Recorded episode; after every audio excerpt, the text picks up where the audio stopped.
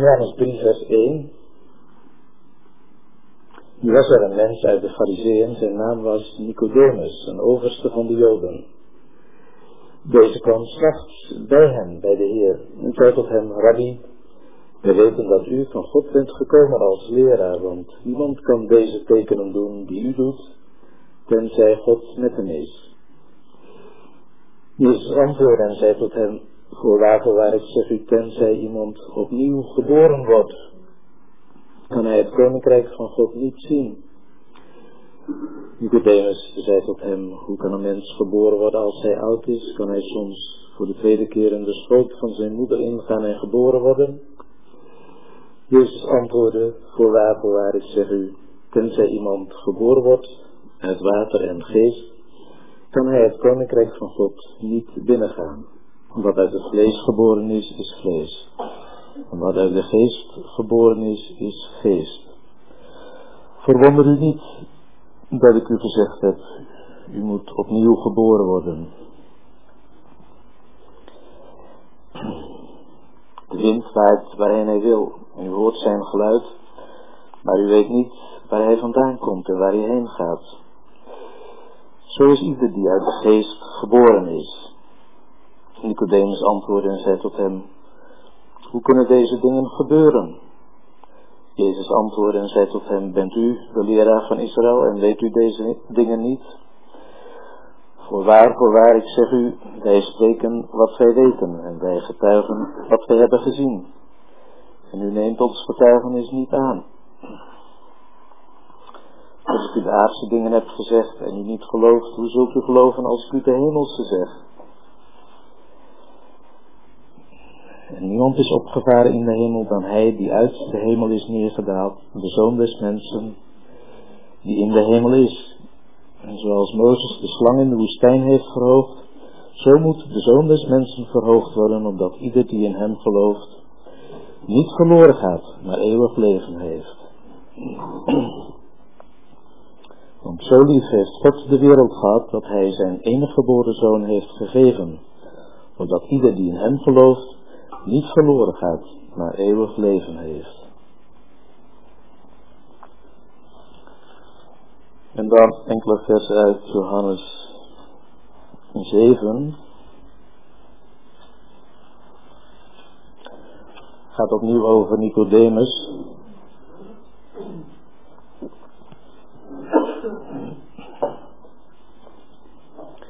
Als slot van Johannes 7 daar zien we dat ze proberen om de Heer Jezus gevangen te nemen. Maar dat lukt niet. Vers 46 lezen we dat de dienaars van de overpriesters en fariseeën zeggen, nooit heeft een mens zo gesproken als deze mens. De fariseeën dan antwoorden hun, bent u soms ook misleid? Heeft soms iemand van de oversten in hem geloofd of van de fariseeën? Maar deze menigte die de wet niet kent is vervloekt.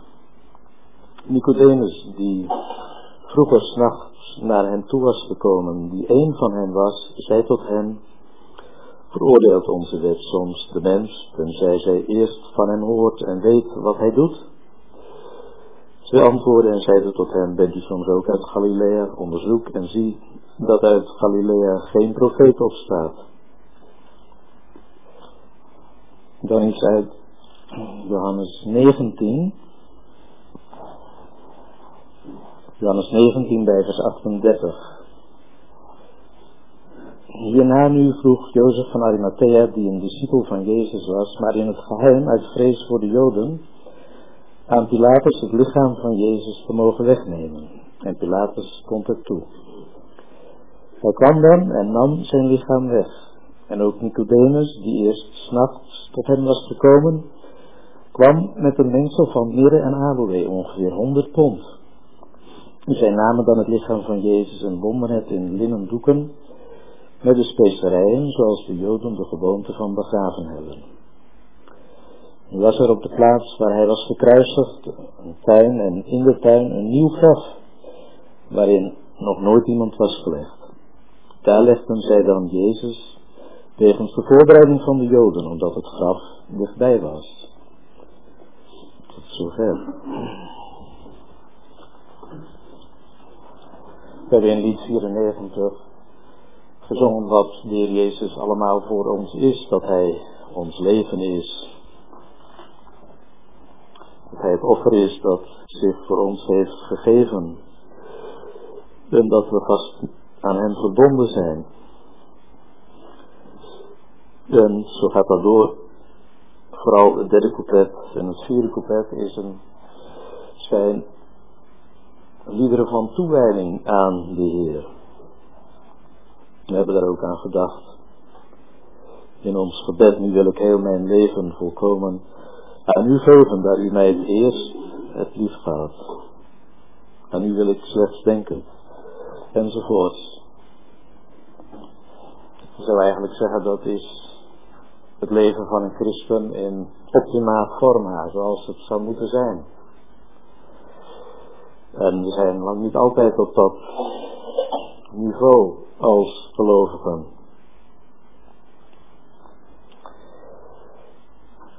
Deze drie plaatsen die we gelezen hebben in het Johannes Evangelie zien we iets over de groei die een gelovige meemaakt. Geestelijke groei. Zou kunnen zeggen de groei die we als discipelen van de Heer meemaken. Zodat we op de plek komen waar de Heer ons wil hebben. En inderdaad alles, ons leven aan Hem toewijden, aan Hem overgeven en aan Hem slechts willen denken. En dat nieuwe leven, u bent toch Heer mijn leven, dat begint met de wedergeboorte of de nieuwe geboorte. We weten dat wel. Dat is de enige weg om een discipel van Christus te worden, om hem toe te kunnen behoren, om zijn eigendom te kunnen worden. De Heer zegt zelf, wat uit het vlees geboren is, is vlees. En apostel Paulus zegt in de Romeinen wat het vlees bedenkt, dus wat de mens van nature denkt en doet, dat is vijandschap jegens God. Dat vlees is onverbeterlijk, het is rebels, zou je kunnen zeggen. Dat verzet zich tegen God. Paulus zegt dan ook in Romein 8, het onderwerpt zich niet aan de wet van God. Maar, maar God heeft daarvoor een oplossing gevonden in de dood en de opstanding van Christus. Hij heeft een einde gemaakt aan dat, aan dat zondige vlees dat onverbeterlijk is aan die oude mens. Onze oude mens is met Christus gekruisigd. Je zou kunnen zeggen dat God 4000 jaar lang die mens op de proef heeft gesteld om te kijken of er iets goeds uit de voorschijn zou kunnen komen. 2000 jaar zonder wet, en 2000 jaar volk Israël onder de wet. Wat telkens opnieuw, elke generatie opnieuw, werd die mens op de proef gesteld en werd die getest, om zo te zeggen, te kijken wat erin zat.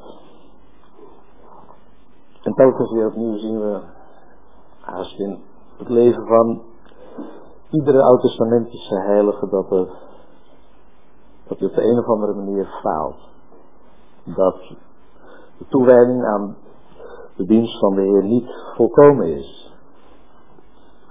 Denken we maar aan het leven van een vrome koning zoals Hiskia, die de Heer trouw gediend had. En die zelfs een wonderbaarlijke genezing meemaakte, die 15 jaar kreeg toegevoegd aan zijn leven. En dan heeft hij nog een prachtig danklied gedicht. Zal opgaan naar het huis des Heren. De levende, de levende, die zal u loven zoals ik heden doe. Maar dan komt er een beproeving in zijn leven. Er komen de Babyloniërs kijken om te informeren wat er gebeurd was en om een geschenk te brengen aan koning Iskia. Maar dan faalt hij eigenlijk doordat hij God niet de eer geeft voor, al, voor alles wat er gebeurd is. Maar doordat hij alles laat zien wat er in zijn huis was. Alle schatten, alle rijkdommen die hij verworven had, alles wat hij in zijn schatkamers had. Hij toonde hen alles wat in zijn huis was. We lezen niet dat hij met die mensen opging in het huis des Heren om de Heren te danken. En dan komt er ook een oordeel van God. En dan zegt God tegen hen bij monden van de profeet. Ze hebben alles gezien wat er in jouw huis is, al die Babyloniërs. Alles wat daarin is, dat zal naar Babel worden weggevoerd. Zo is dat met zoveel van die vrome koningen. En ook als we aan het leven van de aartsvaders denken, Abraham, Isaac en Jacob dan is dat, worden die ook op de proef gesteld. En ondanks alle goede dingen, alle leerzame dingen die we dan in hun leven vinden, is daar ook telkens iets van dat vlees dat naar tevoren komt. En dat ongehoorzaam is, dat zich verzet tegen de wil van God. Dan is daar falen. En je zou kunnen zeggen, God heeft een radicale oplossing bedacht voor dat probleem van die oude mens, die oude natuur, die niet te verbeteren is. En dat lezen we dan ook in Romeinen 3, in Romeinen 8, vers 3. Want wat voor de wet onmogelijk was, wet was dus 2000 jaar lang gegeven om die mensen ook op de proef te stellen en om hem te helpen, om te kijken wat erin zat. Wat voor de wet onmogelijk was, doordat zij door het vlees krachteloos was. De wet kon die oude mens ook niet helpen. Want door het zondige vlees was de wet krachteloos om iets uit te richten. Maar God heeft, doordat hij zijn eigen zoon in een gedaante, gelijk aan het vlees van de zonde en voor de zonde heeft gezonden, de zonde in het vlees veroordeeld.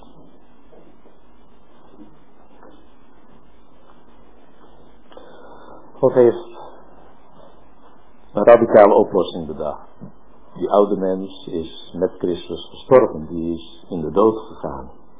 Die is veroordeeld als volkomen zondig, volkomen onverbeterlijk. En de bevrijding van de, van de macht van de zonde moeten we dan ook niet in onszelf zoeken. Wij kunnen onszelf niet verbeteren. Ook als gelovigen kunnen we geen leven leiden wat aan God is toegewijd in onze eigen kracht. Door onze eigen inspanningen. Maar we moeten het ervoor houden, we moeten aannemen dat die oude mens met Christus gekruisigd is, dat hij in het graf verdwenen is. En dat we een nieuw leven ontvangen hebben in de Heer Jezus die ons leven is. En dat is ook de, wat de nieuwe geboorte inhoudt. Dat we een nieuw leven ontvangen uit een andere bron. Niet een leven dat van onze voorouders afkomstig is en wat dus eigenlijk al bij die eerste Adam begint. Dat leven is het leven van de oude mens, die dus zich verzet tegen de wil van God. Maar dat nieuwe leven, dat is het leven van de Heer. Dat is ook, zou je kunnen zeggen, zijn eigen opstandingsleven. Zoals we dat in Johannes Evangelie ook vinden. Johannes 20.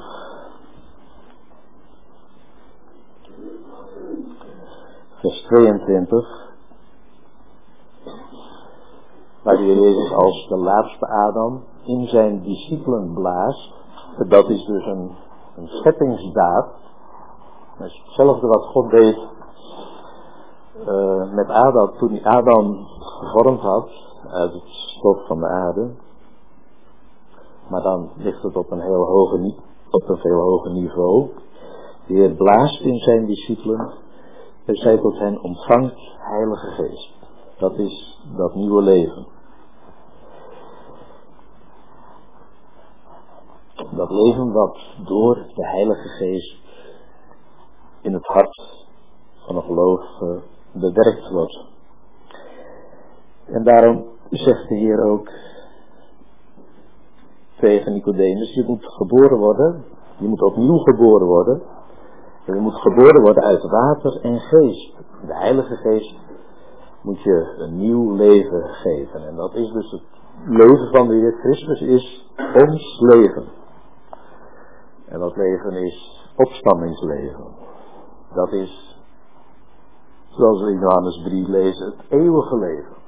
Het leven dat niet meer onderworpen is aan dood en graf. Maar leven dat we in de Heer bezitten en dat de dood heeft overwonnen. Heilige Geest is de bron daarvan. En het is geboren worden uit water en geest. Het water, we weten dat in de Bijbel is dat een beeld van het waterbad van het woord van God. Het is in veel uh, grote kerken is daar de leer van de uh, wedergeboorte door middel van de doop. En dan denkt men dat het water dat hier genoemd wordt, het water van de doop is. Maar het doopwater, dat is duidelijk, dat kan geen zonde afwassen. We hebben het waterbad nodig van het woord van God. Het woord van God zoals het toegepast wordt door de werking van de Heilige Geest. Alleen daardoor kunnen we opnieuw geboren worden.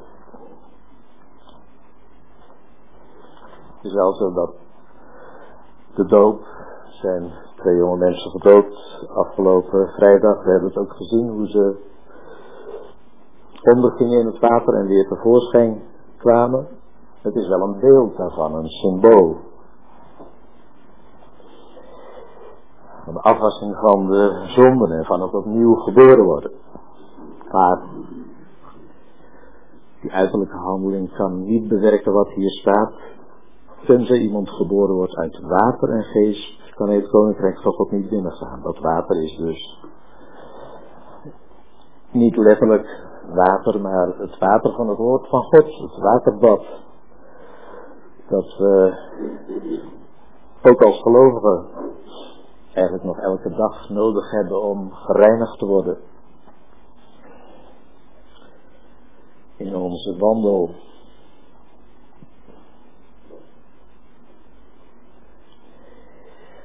was eigenlijk, zou je zeggen, menselijk gesproken een hele eer voor de Heer Jezus dat deze geleerde fariseer bij hem kwam.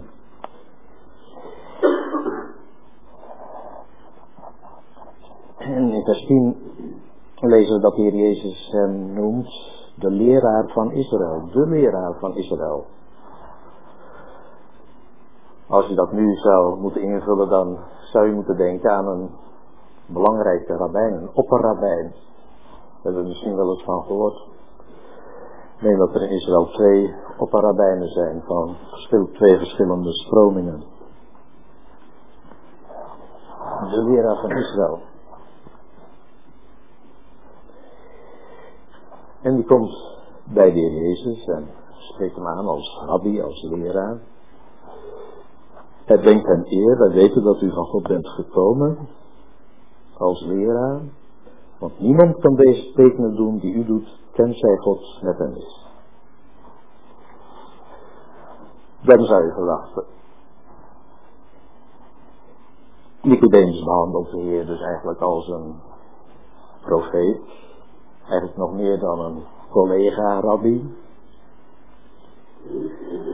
Dan zou je kunnen verwachten dat er, dat er zich een interessant gesprek ontwikkelt tussen die twee geleerde mannen. over allerlei godsdienstige zaken, maar dat gebeurt niet. Tot onze verbazing, en ik denk dat Nicodemus ook verbaasd zal zijn geweest over de, de loop van dat gesprek.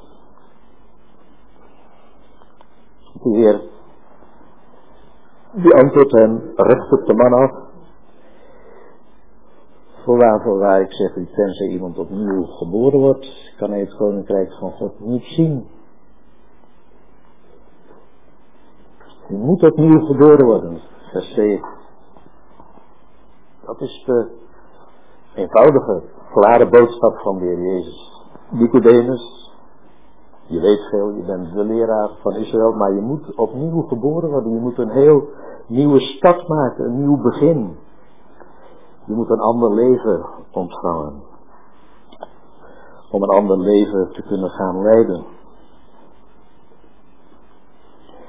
En Nicodemus begrijpt daar niets van.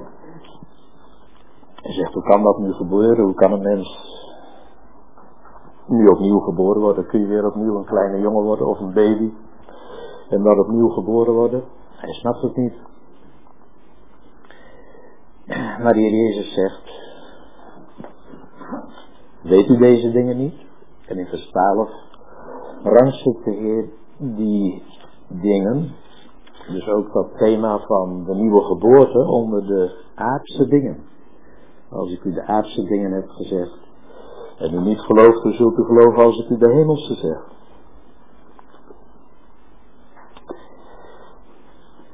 En die, dat thema van de nieuwe geboorte, wat de Heer dus hier rangschikt onder de aardse dingen, dat vinden we inderdaad al in het Oude Testament. We hebben in Jeremia 31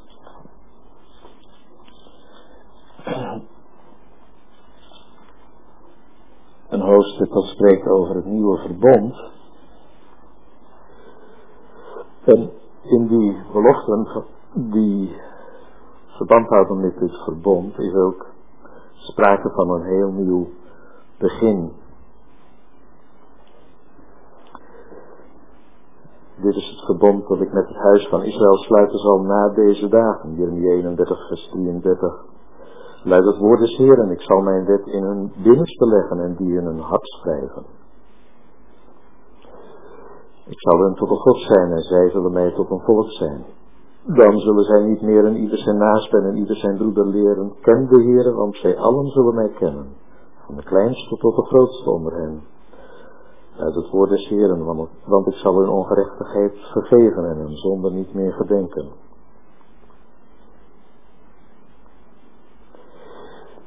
En in Ezekiel is, meen ik, sprake van het feit dat de Heer rein water op hen zal sprengen.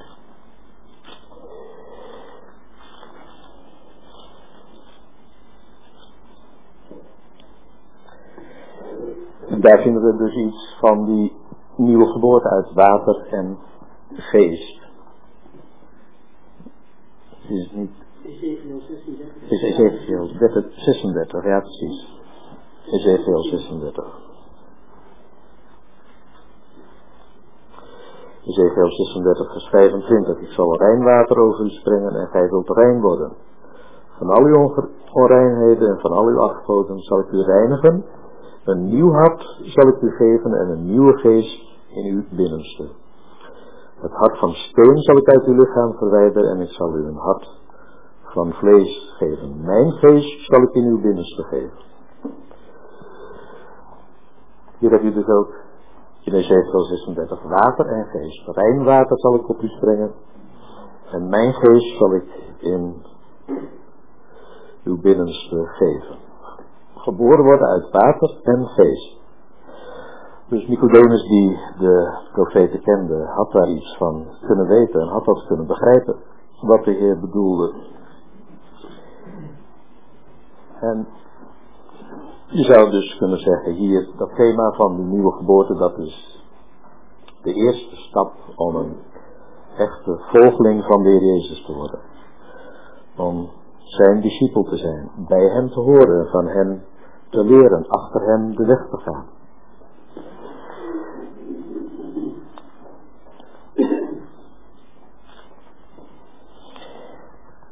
Nicodemus die schaamde er zich voor om openlijk de zijde van de Heer te kiezen. Dat is eigenlijk wat een, een discipel of volgeling van de Heer moet doen. Dat hij openlijk de Heer lief heeft en dient en volgt. Hij kwam s'nachts in het donker bij de Heer. Hij wilde hem nog niet beleiden. Hij wilde een interessant gesprek hebben, maar de Heer keek dwars door hem heen, om zo te zeggen. En ik kwam met die boodschap. Nicodemus, die moet opnieuw geboren worden. En ik denk wel dat dat een uitwerking gehad heeft op Nicodemus. Dat hij erover nagedacht heeft en dat de Heilige Geest ook in zijn hart gewerkt heeft. Misschien heeft hij de profeet er wel op nagezocht.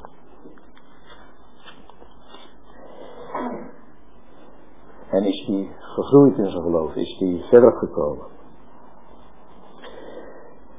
En dat zien we dan ook die tweede keer in Johannes 7 al lezen over Nicodemus. Dan probeert hij de Jezus in bescherming te nemen.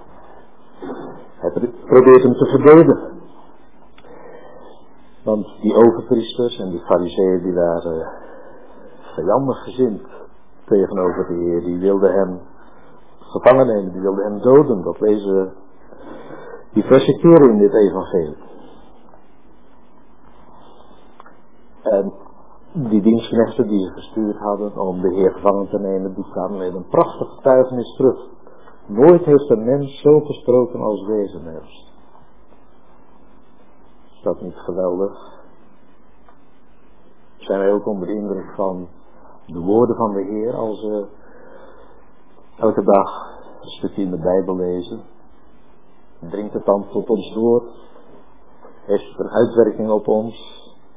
Kunnen we dan ook daarmee instemmen? Nooit heeft een mens zo gesproken zoals deze mens. Er is niets wat met het woord van God, wat met de Bijbel te vergelijken is.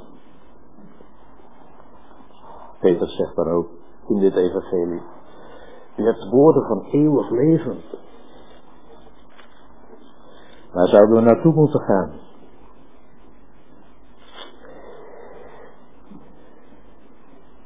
Woorden van eeuwig leven.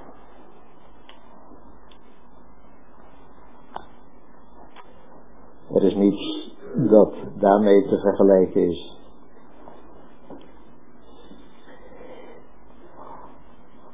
Fariseeën die verwerpen dat getuigenis van die dienstknechten. Ze zeggen, oh jullie zijn zeker ook misleid. Er is soms iemand van ons, van de overstof van de fariseeën in hem gelooft. Maar deze menigte die de wet niet kent, is vervloekt. Zij beriepen zich op een kennis van de wet. En ze keken neer op die massa die van het volk, die in hun ogen verachtelijk was. Maar dan neemt Nicodemus, die neemt stelling voor de Heer. Het lijkt erop dat hij inderdaad gegroeid is, geestelijk gegroeid. Nicodemus, die vroeger s'nachts naar hem toe was gekomen, die een van hen was, zei tot hem, veroordeelt onze wet soms de mens, tenzij zij eerst van hem hoort en weet wat hij doet. En neemt dus, hij neemt het op voor de Jezus. Hij zegt, uh, jullie veroordelen hem nu al, maar je moet hem ook de kans geven om uh, zich te verdedigen. Hij moet eerst, zoals dat in een rechtvaardige rechtvaardig proces gebeurt. Je moet hem ook de kans geven om aan het woord uh, te komen. En hij moet de gelegenheid krijgen om zich te verdedigen. We moeten van hem weten wat hij doet. Hij zegt dus nog niet openlijk, ik hoor ook bij die mens. Dat zegt hij nog niet, zover is hij nog niet. Hij zegt nog niet, ik ben een discipel van hem. Maar dan loopt het gesprek verder en dan zeggen ze, er kan helemaal geen profeet uit Galilea komen. Uit dat Galilea de heidenen, van de volken zoals het genoemd wordt. Dat gebied dat zo ver verwijderd is van de tempel, waar de mensen zo onwetend zijn, daar kan helemaal geen profeet uit opstaan. En dan blijft het gesprek eigenlijk, het debat blijft onbeslist. En ieder ging naar zijn huis.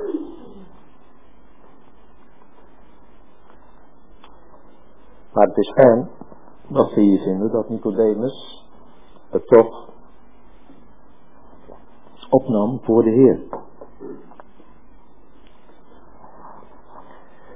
En je zou kunnen zeggen dat is de tweede fase in het leven van een discipel. Dat is dat je de Heer gaat beleiden. Misschien nog zwak, die beleidenis, maar het is wel belangrijk. Het is een stap vooruit. Als we opnieuw geboren zijn, als we de Heer kennen als onze Heer en Heiland, als Hij ons leven is, dan moeten we Hem beleiden. Wie met de mond beleidt Jezus als Heer en wie met het hart gelooft dat God hem uit de doden heeft opgewekt, die zal gered worden, die zal behouden worden. Geloven doe je met het hart en beleiden doe je met de mond. Met de mond Jezus als Heer beleiden. Romeinen 10.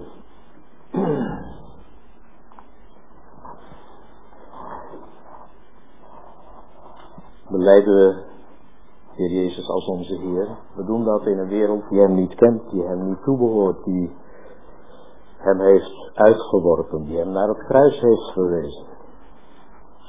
Beleiden van de Heer, dat is niet zo makkelijk. Voor Hem uitkomen, van Hem getuigen.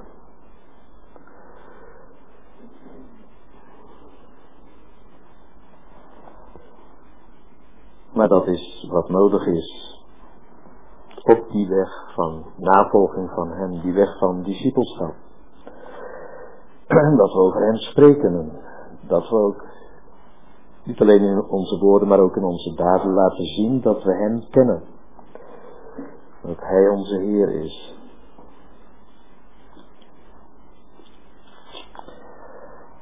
Dan die derde fase van het discipelschap in Johannes 19. Dan wordt het eigenlijk helemaal goed. Dan wordt het duidelijk waar Nicodemus staat.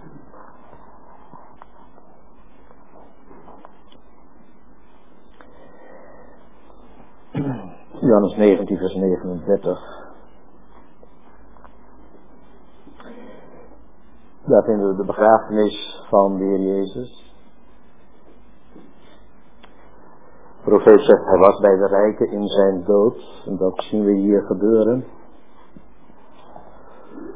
God heeft het niet toegelaten dat de Heer Jezus, nadat hij het werk volbracht had, dat hij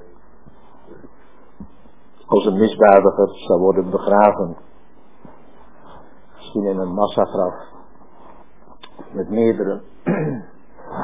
God heeft daarover verwaakt. En heeft in het hart gewerkt van Nicodemus.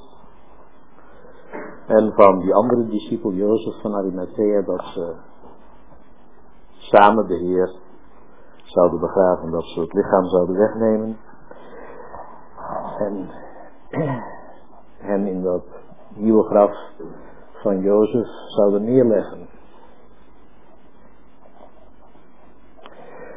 We lezen hier over Nicodemus. En ook Nicodemus die eerst s'nachts tot hem was gekomen, kwam met een mengsel van mirre en aloe. Ongeveer 100 pond.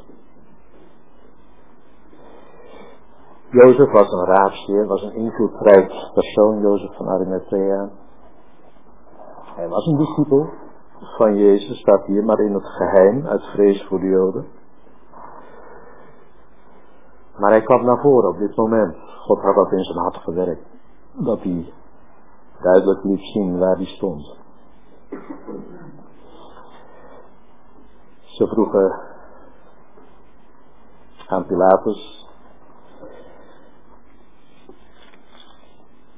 toestemming om het lichaam van de Heer te mogen wegnemen van het kruis.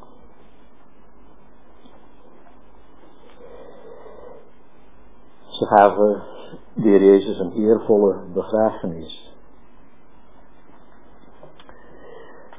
Opnieuw wordt hier eraan gerefereerd dat Nicodemus eerst s'nachts tot hem was gekomen. Maar komt hij niet meer in het geheim, maar hij gaat openlijk, als het ware, staan bij die gekruisigde en bij die gestorven Heer. En Nicodemus kwam met een mengsel van mirre en aloe ongeveer 100 pond. Dat moet een geweldig vermogen geweest zijn. Als we in Johannes 12 lezen over de, de balsem die Maria bracht, één pond balsem van onvervalste kostbare nardus. Wordt het ter waarde van een jaarsalaris. Was één pond. Maar Nicodemus kwam met een mengsel van honderd pond. Midden en aloe. Is iets te kostbaar om aan de Heer te offeren. Is iets te groot om aan hem te geven. Nu wil ik heel mijn leven volkomen aan u geven, daar u mij het eerst hebt liefgehad. En daar zie je dus wat een discipel van de Heer kan doen, wat hij wil doen. Wat had dat hier, had dat het gewerkt van deze twee discipelen, Jozef en Nicodemus, om alles te doen wat ze konden om de Heer een eervolle begrafenis te geven. Het graf was een nieuw graf dat Jozef van Arimathea had laten uithouden in de rots. En Nicodemus kwam met dit geweldig dure mengsel om het lichaam van de Heer te balsemen.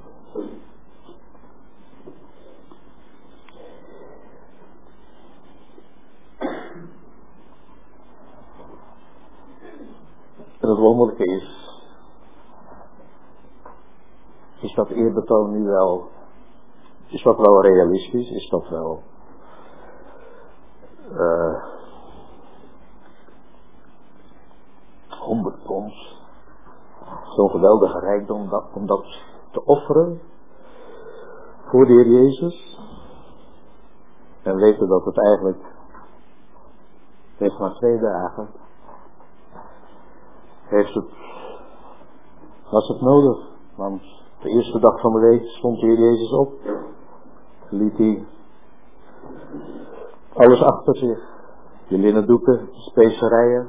Het was niet meer nodig. Voor twee dagen. Zo'n vermogen te offeren voor de Heer.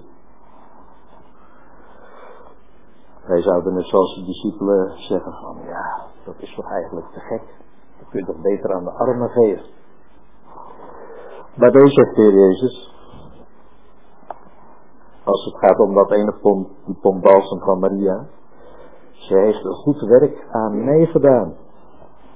Hij heeft dat gewaardeerd. En weet u wat een goed werk is aan de Heer? Dat is als we onze kostbaarheden aan Hem aanbieden. Dat is ook als we met onze aanbidding komen als gelovigen. Als we met onze offeranden komen van lof en dank, van lofprijzing, van aanbidding. Dat is ook kostbaar voor de Heer. En de Heer noemt dat ook een goed werk, wat wij kunnen doen aan Hem. Dat wil zeggen, dat is een goed werk aan zijn persoon, voor Hemzelf. We kunnen allerlei goede dingen doen. We kunnen zieke mensen bezoeken, we kunnen arme mensen helpen. Maar dat is nog niet een goed werk aan hem, aan de Heer zelf. Een goed werk aan hem, voor zijn persoon, dat is dat wij hem eren. Dat wij hem groot maken, dat wij hem aanbidden. Daarom komen we ook elke eerste dag van de week samen om de Heer groot te maken. Om hem onze offeranden aan te bieden. En niets is dus te kostbaar. Niets is te groot voor hem. En het is wat Nicodemus en Jozef hier doen, dat is dat ze de Heer eren als de gestorvene. Dat is eigenlijk wat wij ook iedere zondag mogen doen, dat we aan de Heer denken als de gestorvene. Doe dit tot mijn gedachtenis, de Heer, zoals Hij zichzelf heeft overgegeven, zijn lichaam en zijn bloed. Al die specerijen, al die kostbaarheden waren voor een gestorven heiland. En zo is dat ook met ons. En dan is er nog een bijzonderheid waar ik op wil wijzen.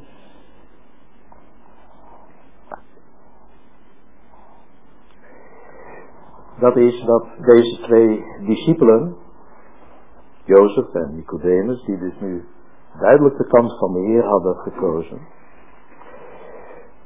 dat is dat ze de Heer in dat graf gelegd hebben. Ik weet niet of u wel eens geluisterd hebt naar de, sommige kantates van Johann Sebastian Bach. Maar daar werd het ook heel mooi tot uitdrukking gebracht als de dichter zegt, ik wil Jezus zelf begraven. En dat is wat hier gebeurt. Ingaan in zijn graf. En dat is nu precies wat ook in de doop tot uitdrukking gebracht wordt. Met de Heer ondergaan in het watergraf. En dan met hem opstaan tot een nieuw leven. Is dat niet geweldig? We zijn daarvan getuigen geweest de afgelopen vrijdag. Twee jonge mensen, twee jonge discipelen. Die die wens hadden en die wens ook tot uitdrukking gebracht hebben. Ze zijn in dat watergraf ingegaan, maar ze zijn ook weer opgestaan. Twee discipelen, Jozef en Nicodemus, wat een geweldig voorbeeld geven ze ons. En hier is het duidelijk dat ze bij de Heer horen, dat ze hem willen volgen, dat ze heel hun leven aan hem willen toewijden. Alles wat ze hadden, alle rijkdom aan hem ter beschikking stelden. Bij hem wilden horen, bij die gestorven Heer. In zijn graf wilden neerdalen. En dan ook met de Heer wandelen in nieuwheid des levens. Dus kijk, op zondagmorgen dat ik eraan denk en dat ik ook de Heer dit. Heer, wilt u geven op deze eerste dag van de week dat ik werkelijk met u opsta in een nieuw leven.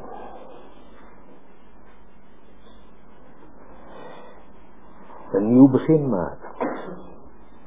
Eerste dag van de week. Nieuw begin. Christus, ons paascha, is geslacht. Dat is het uitgangspunt. De gestorven Heer en Heiland. En dan met hem wandelen in nieuwheid des levens. Die hele week die voor ons ligt. Dat hele leven dat voor ons ligt. Als we een discipel geworden zijn van hem. Het leven van deze twee discipelen is niet geëindigd in dat graf. Ik heb al gezegd, het duurde maar twee dagen en stond de Heer heerlijk op uit de doden.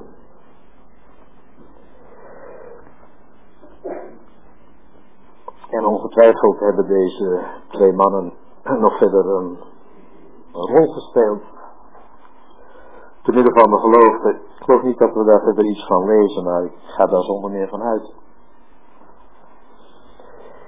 Dat ze niet in het geheim discipel van de Heer gebleven zijn, maar openlijk op de Pinksterdag er vooruit gekomen zijn dat ze hem toebehoren en dat ze zich ook zullen hebben laten dopen.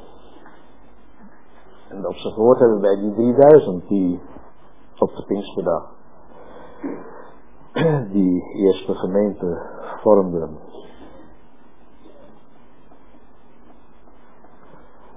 Opnieuw geboren worden, beleiden met de mond dat je hem toebehoort, Jezus Heer is. We hebben vanmorgen ook aan Thomas gedacht, mijn Heer en mijn God heeft u gezegd. En dan die derde fase, hopelijk zijn zijde kiezen. Met hem verder gaan. Volkomen nieuw leven beginnen. Nu vangt het nieuwe leven aan. Leven door zijn dood bereid leven in zijn heerlijkheid. Geef weer ons daartoe genade.